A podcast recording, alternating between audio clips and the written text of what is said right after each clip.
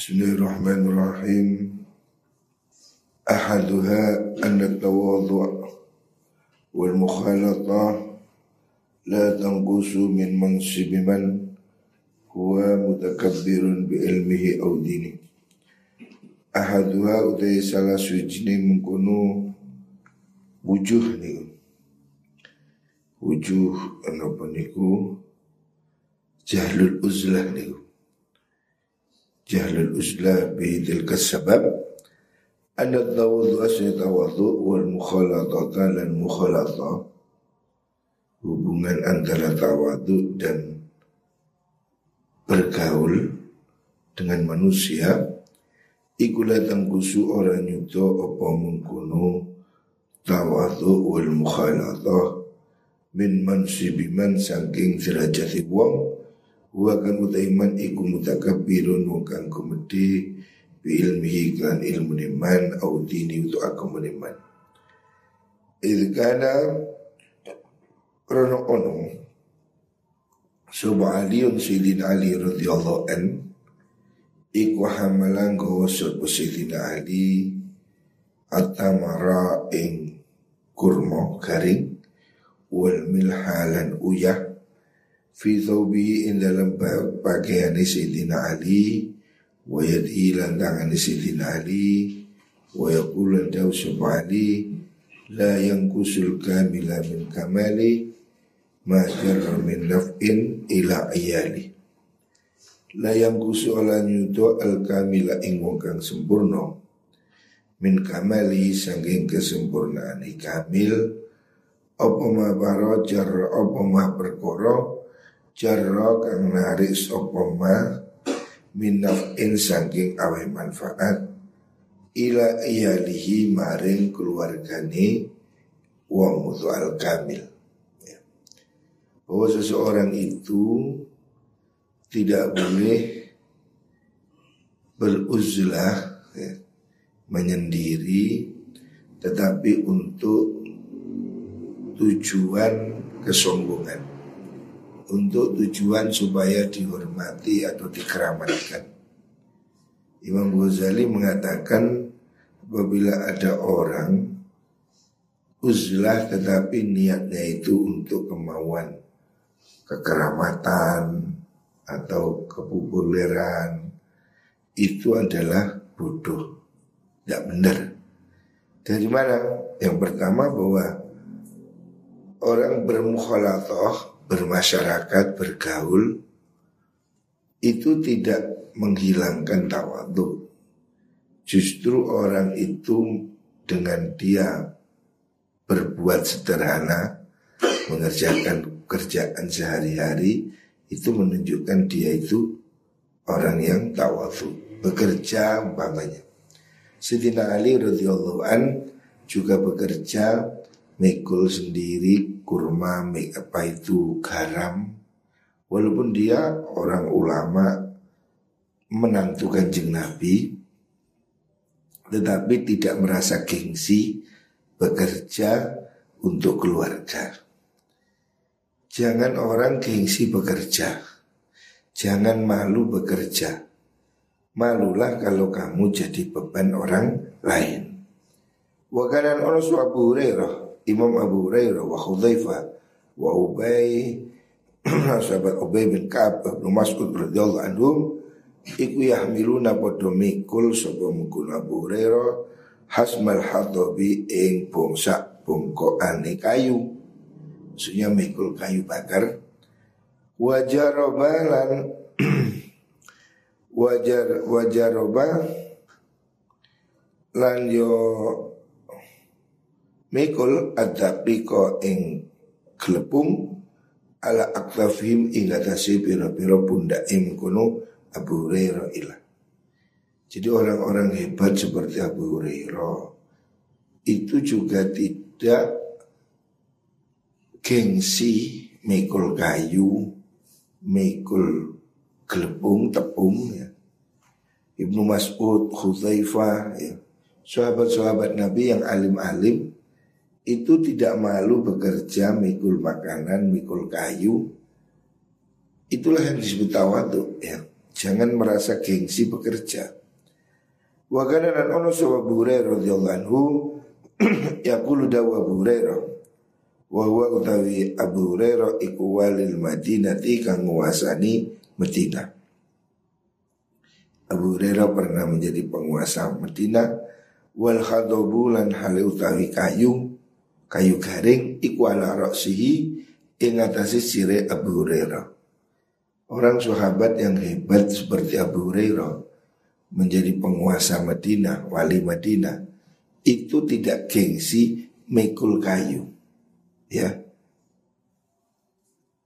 Sambil mengatakan Toriku gawe tilat gawe dalan sira li amiriku maring pemimpin siro. Artinya dia minta permisi di jalan sambil mikul kayu. Tolong kasih jalan bagi pemimpinmu. Jadi seorang wali ya, soal kota kalau hari ini Abu Hurairah pada saat itu dia tidak ragu mikul kayu, kayu bakar. Waktu itu belum ada LPG. Mikul kayu di depan orang ini mikir kasih jalan gitu. Di depan umum artinya. artinya di depan umum seorang sahabat yang terkenal hebat, pintar seperti Abu Hurairah tidak malu mikul kayu. Terus saniki gendong LPG kiai gendong LPG. Jadi tidak malu untuk mencukupi keluarga atau uh, bekerja ya. Itu tradisi tawadu ya. Jangan menjadi eksklusif, jangan sok gaya gitu. Wakana Allah sapa Sayyidul Mursalin Gustini para utusan. Maksudnya Rasulullah Sallallahu Alaihi Wasallam. Yastari tuku sapa nabi asyai'a ing suci wici wa yahmiluhu mongko nabi ing syai' ila baitihi maring omai kanjeng nabi binafsihi kan awak dewi nabi. Bahkan seorang kanjeng nabi Sayyidul Anbiya wal Mursalin ya kanjeng nabi itu biasa. Kanjeng nabi belanja kebutuhan rumah tangga. Ya beli apa, beli lauk, beli ini. Pergi sendiri ke pasar Dibawa pulang sendiri ke rumah. Nabi ya. Jadi kiai-kiai Siapa pun harus niru Nabi. Jangan gengsi bekerja. Orang ini Jangan banyak gaya ya. Gaya ini menjadi berat ya. Berat Gaya seimbang itu Dengan apa Beban gaya. Kalau banyak gaya berarti banyak beban. Jangan sok gengsian. Gengsi tidak membuat kamu jadi kaya. Tapi kalau kamu kaya pasti kamu jadi bergengsi. Kanjeng Nabi aja nggak gengsi. Belanja ke pasar bawa pulang sendiri. Padahal beliau seorang Nabi. Artinya hidup sederhana ya. Bekerja mandiri, melakukan pekerjaan yang bisa dilakukan itu bagian dari tawadu ya. bagian dari kesederhanaan Fayaqulu mengkodahu lagu maring Nabi Sopo sahibu kanjani Nabi Aktini Aktini Awi osiro Awi osiro Awi panjenengan ni ingsun ahmilu nggawa ingsun ing syekh. Ada sahabat datang Nabi ini saya bawakan. Fayaqulu dawu Nabi sahib syekh haqqu bihamli. Syekh syekh te wong kang duweni suci iku haqqu luwing haki bihamlihi kelan nggawa syekh. Jadi Nabi sedang mikul atau membawa belanja mau dibantu oleh sahabat. Ada sahabat datang mau bantu. Nabi mana? beri saya saya bawa. Nabi nggak mau. Nabi mengatakan sahib syekh ahakku bihamli. Pemilik sesuatu itu lebih berhak untuk membawa sendiri. Ya. Jadi kanjeng Nabi itu nggak nggak gampang nyuruh nyuruh orang. Kanjeng Nabi itu saking sederhananya belanja sendiri dibawa sendiri. Ya kalau hari ini ya belanja beras, tepung, minyak goreng dipikul-pikul sendiri, dibawa sendiri. Diminta oleh sahabat Nabi nggak mau. Ya. Nabi mengatakan ahakku bihamli. Orang yang punya itu lebih berhak membawanya. Wa kana lana Al Hasan bin Ali, Imam Hasan bin Ali, cucu Nabi radhiyallahu anhu iku yamuru liwat sapa Imam Abu Hasan bisuali bisuali nggih.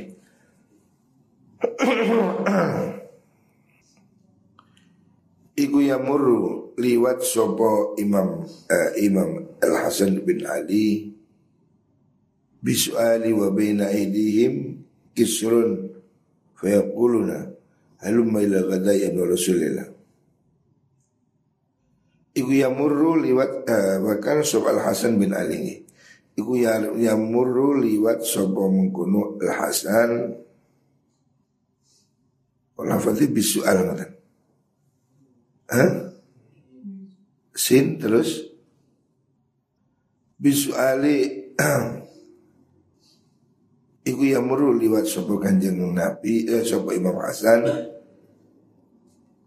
Bisuali dalam uh, ing dalam uh, suci panggonan gitu. Namanya soal Nama tempat Wa baina idihim lan iku ing dalam antara ing ing dalam ngarepe oh, ngarepe mengkono soal untuk kaum kisrun utawi remuan roti. Fayaquluna mau ngucap sapa mengkono soal Haluma ilal gada Haluma merino siro ilal gada maring sarapan Yabna Rasulillah Wahai putra Rasulullah. Fakana mengkono sopa Hasan Iku yang silu Tumurun sopa Hasan. Wa yajlisu nunggu Subam Hasan ala tariqin sidalan wa yaqulan mangan Subam Hasan mau setan soal wa yarkabulan nunggang Subam Hasan wa yaqulan dawu Subam Hasan inna Allah la yuhibbul mustakbirin. Inna Allah sedha Allah iku la yuhibbu wa teman sapa Allah. Al mustakbirin ing wong kang kumedi ya. ini contoh kedua Imam Hasan bin Ali. Imam Hasan bin Ali ini adalah cucu Rasulullah Shallallahu Alaihi Wasallam orang yang sangat mirip dengan kanjeng Nabi. Suatu saat dia bilau berjalan di suatu daerah yang soal tadi itu. Eh, ketika beliau lewat, kemudian ada orang di pinggir jalan, ya orang-orang miskin, sedang makan roti remuk. Roti remuk maksudnya roti yang murah, roti keribilan. Kemudian ketika Imam Hasan itu lewat, mereka mengatakan ke sinilah, ayo kita makan, wahai Imam Hasan, wahai cucu Rasulullah Sallallahu Alaihi Wasallam. Imam Hasan maksudnya diajak makan oleh orang-orang miskin di pinggir jalan. Kalau sekarang ya di di warung kopi atau di kaki lima gitu, makanan yang murah. Imam Hasan itu sedang naik kendaraan, mau turun dan makan dengan mereka. Joro sekarang ya makan dengan kuli-kuli, dengan kaki lima gitu. Dia makan terus naik lagi dan mengatakan Inna Allah la yuhibbul mustakbirin. Allah tidak suka orang-orang yang sombong. Artinya Imam Hasan tidak menolak ajakan makan orang-orang ya orang-orang miskin ya. Seperti sekarang ini seandainya diajak makan di pinggir jalan, di kaki lima, di pinggir sungai, makan makanan yang murah-murah itu loh gorengan-gorengan sewuan ya. Padahal dia seorang cucu Rasulullah Shallallahu Alaihi Wasallam. Ini contoh kesederhanaan dalam pergaulan. Walaupun walaupun Imam Al Hasan bin Ali seorang yang bernasab mulia, seorang yang sangat dihormati, ketika dalam perjalanan dia diampirkan, ya, di apa disapa oleh orang-orang pinggiran di pinggir jalan diajak makan turunlah Imam Hasan ayo kita makan. Beliau turun dan ikut makan. Makan roti-roti remuk. Roti-roti remuk kalau sekarang ini ya ya makanan-makanan murah jajan jajan-jajan pasar atau. Kan roti itu oh, yang bungkul itu mahal yang remukannya keripilannya itu kan afkirannya itu murah. Imam Hasan tidak apa tidak menolak untuk diajak turun di pinggir jalan disuguhi makanan murah, ya. diajak makan mereka orang-orang miskin di pinggir jalan, makan di pinggir jalan, nggak gengsi. Padahal dia seorang yang sangat terhormat. Seperti itulah contoh ya dari kesederhanaan keluarga Rasulullah Shallallahu Alaihi Wasallam. Dan kanjeng Nabi sendiri memang tidak punya rasa sombong, dibedakan, dipikul. Kanjeng Nabi itu seperti orang lain. Kalau di rumah ya masak, ya nyuci-nyuci, ya bantu pekerjaan istri. Ya. Kanjeng Nabi itu manusia yang sangat sederhana dan tidak aneh-aneh gitu. Gak kayak jadab, terus keramat, apa yang nyeleneh-nyeleneh tidak. Kanjeng Nabi itu orang yang dia adalah manusia tapi yang berakhlak istimewa. Al-wadusan wajah kang kaping pindho iku andalah disudui wong syagala kang ketungkul sapa man. syagala kang nungkulaken sapa man nafsu ing awak dhewe deman. Bito lebih ridho nas kelan ridho ni menungso anhu sing alladhi wa tahsini i'tiqadi lan bakusi nas fihi ing dalam alladhi iku magrurun kebujuk. Orang-orang yang ingin selalu dimuliakan orang. Orang-orang yang sibuk untuk uh, pencitraan. Orang-orang yang sibuk untuk memenuhi ekspektasi orang. Itu adalah orang yang bodoh. Kita ini jangan hidup untuk menyenangkan perasaan atau pandangan orang sehingga dibuat-buat miskin kepingin terlihat kaya jelek kepingin terlihat hebat tidak usah lah kita ini akan lelah kalau kita ini terus menerus berusaha ingin memenuhi ekspektasi semua orang kita menjadi penuh dengan kepalsuan orang-orang itu hidupnya menjadi berat karena dia itu ingin terlihat sempurna di depan orang Makanya baju kurang bagus, takut dilihat gengsi, akhirnya utang. Sepatu merasa. Jadi kita ini sibuk untuk merasa dilihat orang. Makanya kita perlu mahal. Baju mahal, sandal mahal, ini mahal. Untuk apa sih? Untuk dilihat orang. Mobil harus mewah. Padahal kan tujuannya mobil itu kan untuk dinaiki. Mobil mewah, mobil murah sama aja arloji mahal, arloji murah, ya fungsinya sama aja. Kenapa ada orang mau beli arloji satu miliar, tiga miliar, lima miliar? Itu kan untuk menyenangkan orang. Hmm, arlojinya bagus, hmm, mobilnya mewah. Jadi hidup ini jadi berat kalau kita ini sibuk memenuhi ekspektasi orang. Ya. Supaya kelihatan mewah, supaya kelihatan ini, kelihatan anu. Sehingga kita penuh dengan sandiwara itu membuat hidup menjadi lelah. Dan itu menurut Imam Ghazali itu bodoh. Orang itu bodoh kalau hidupnya itu sekedar untuk memenuhi apa itu pujian-pujian orang lain. Kita ini ya hidup kita sendiri, rasakan sendiri. Tidak usah kita apa sibuk dengan penilaian orang. Yang penting kita ini berbuat baik, jangan menyakiti orang, sudah. Mau orang nilai kita ini, ini, itu Jangan sibuk dengan penilaian orang lain Kalau kamu ingin menyenangkan semua orang Pasti tidak bisa. Menurut ini baik, menurut itu jelek. Tidak mungkin menyenangkan semua orang. Lianna kurusudi alladhi ikulau arfa Lamun wurusub alladhi Allah yang Allah.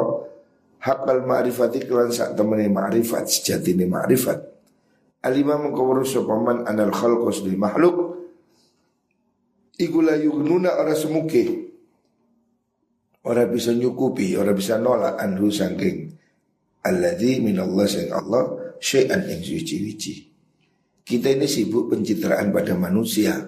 Padahal manusia itu tidak ada artinya di depan Allah. Artinya kamu dipuji setinggi langit pun Kalau kamu jelek ya tetap jelek. Nah, Mereka tidak bisa berbuat apa pun Tidak bisa melindungi kamu dari Allah.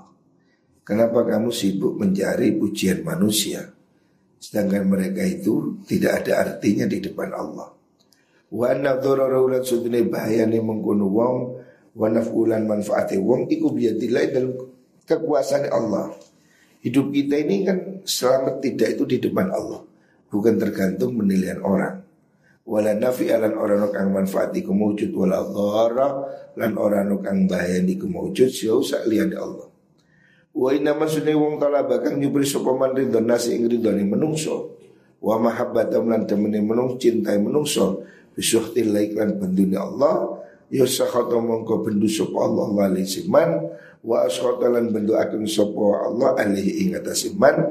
Anda saya menungso. Kalau kamu itu selalu ingin dipuja-puja orang untuk apa?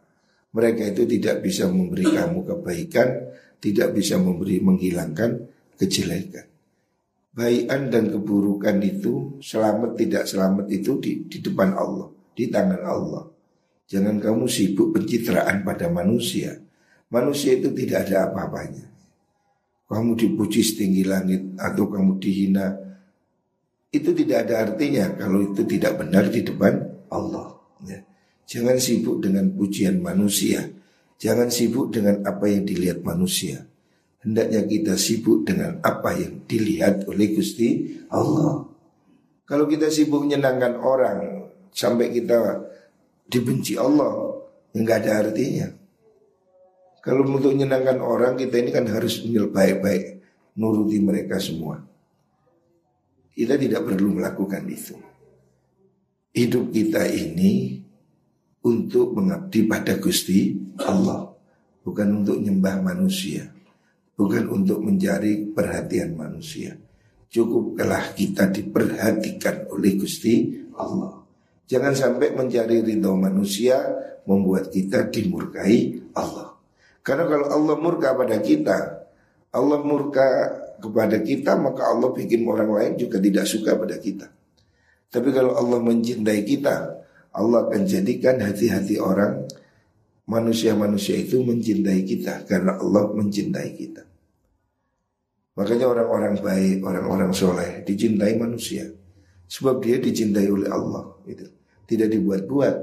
Mereka dicintai Allah sehingga Allah menurunkan rasa cinta itu di hati manusia. Secara alami dia dicintai oleh semua makhluk. Tetapi orang-orang yang berakting, ya, menyenangkan orang, komedian, bintang film, itu kan menyenangkan orang, tapi tidak menyenangkan Allah. Ya tidak akan dicintai orang ya cuma dilihat sebentar. Nanti lama-lama ditinggal juga. Bal ridhon nasi bal ridhoni menungso iku ghayatun katok la tunalu kang ora den.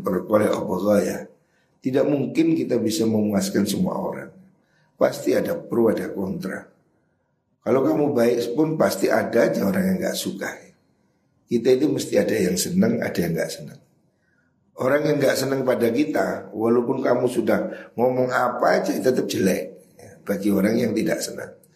Tetapi orang yang senang pada kita, sejelek apa pun dia tetap akan positif. Jadi nggak usah kita ini sibuk dengan penilaian manusia. Biarlah kita dinilai oleh Gusti Allah.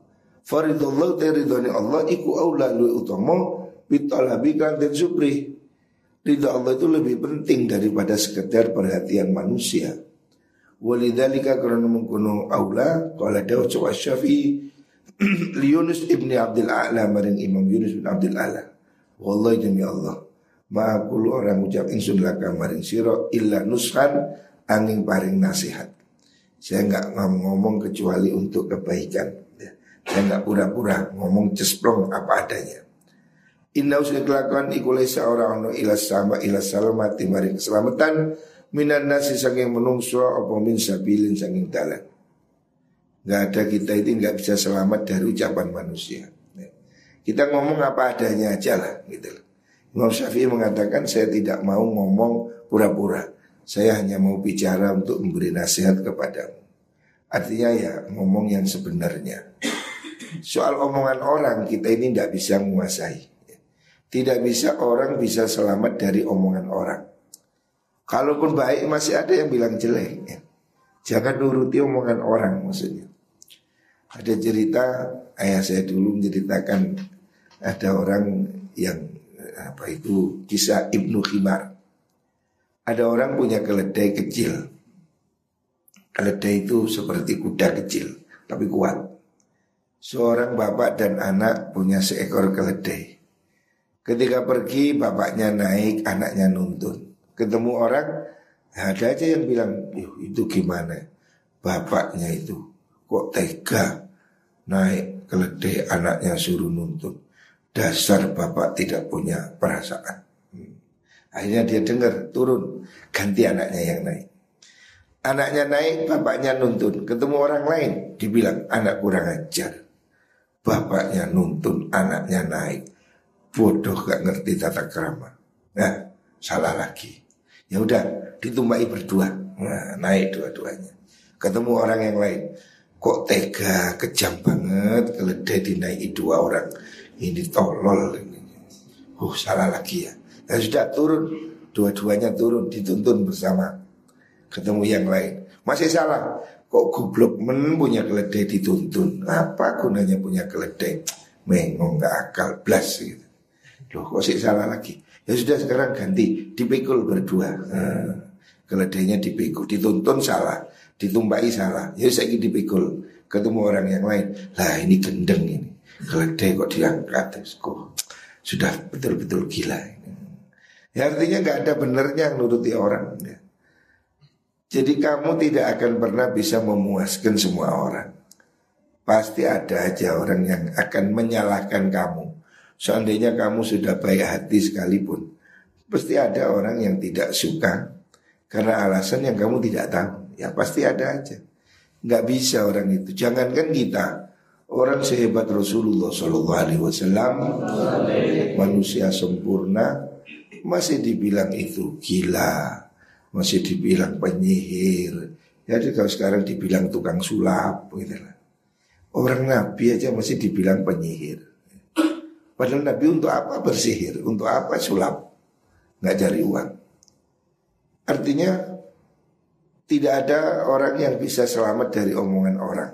Nah, maka lakukan apa yang harus kamu lakukan. Setelah itu jangan dengarkan omongan orang.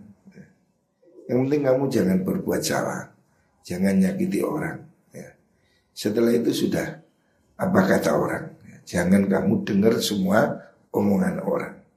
Kalau ayah saya dulu bilang nuruti ronde gak jadi rombong, nuruti lambe gak jadi wong. Yono ya, ayo ini sih keliru, ngono yo keliru. Gak ada benernya. Makanya sudah lakukan yang terbaik dan biarkan orang berbicara. Mulut manusia tidak akan pernah diam. Fanzur mongko ningalono sira. Mada ing opo yusrihu kakang bagusi opo maka ing sira faf'alhu mongko nglakonono sira ing ma. Ini nasihat Imam Ghazali, Imam Syafi'i. Kamu tidak akan pernah bisa menyenangkan semua orang. Maka lakukan apa yang baik, ya sudah, lakukan. Lihat mana yang terbaik, lakukan. Jangan lagi dengar omongan orang. Kalau kamu dengar omong orang, ya masih ada aja orang yang memang ingin cari-cari kesalahan. Walidhalika karena menggunakan qaul kila dan dawakan apa man raqaba anna sama tagaman wa faza billadzati al-jasuru Man desa pandai wong iku raqaba nginjen-nginjen sapa man annas ing menungso. Mata muka mati sapa man gaman kelawan susah. Siapa orang selalu dengar omongan orang, maka dia akan mati dalam kesedihan. Wa faza billadzatil jasuru wa jazala wa fazalan bejo billadzati kelawan keenaan sop al jasuru wong kang megot saking gununge menungso. Orang yang tidak peduli. Jadi siapa orang dengerin omongan orang maka dia akan mati dalam kesedihan. Akan tetapi orang akan bahagia kalau dia tidak banyak mendengar omongan orang. Intinya jangan kita lebih ingin tahu urusan orang, jangan kita suka cari tahu urusan orang dan jangan dengerin omongan orang. Maksudnya jangan dengerin omongan orang itu omongan yang nggak penting. Tapi kalau itu nasihat, ya dengerin. Ya memang tidak semua nasihat cocok. Kamu harus milih-milih. Tidak semua nasihat mungkin cocok bagi kamu. Tetapi kalau semua nasihat tidak cocok, ya berarti kamu yang bodoh. Nasihat pasti ada yang, ya mesti ada lah minus dan plus minus. Memang tidak semua cocok, tapi ya tidak semuanya tidak cocok, pasti ada yang cocok. Tapi jangan dengar semua omongan orang. Makanya kata Al-Quran, Alladzina yastami'una al-qawla fayattabi ahsana. Jadi mereka orang-orang yang mendengarkan ucapan diikuti yang terbaik. Tidak semuanya itu baik. Tidak semua yang diomongkan orang itu benar. Tidak semua apa yang diomongkan temanmu itu benar. Dan tidak semua yang diomongkan musuhmu itu salah. Ya ada yang benar, ada yang tidak benar. Tidak semua harus didengarkan. Wallahualam.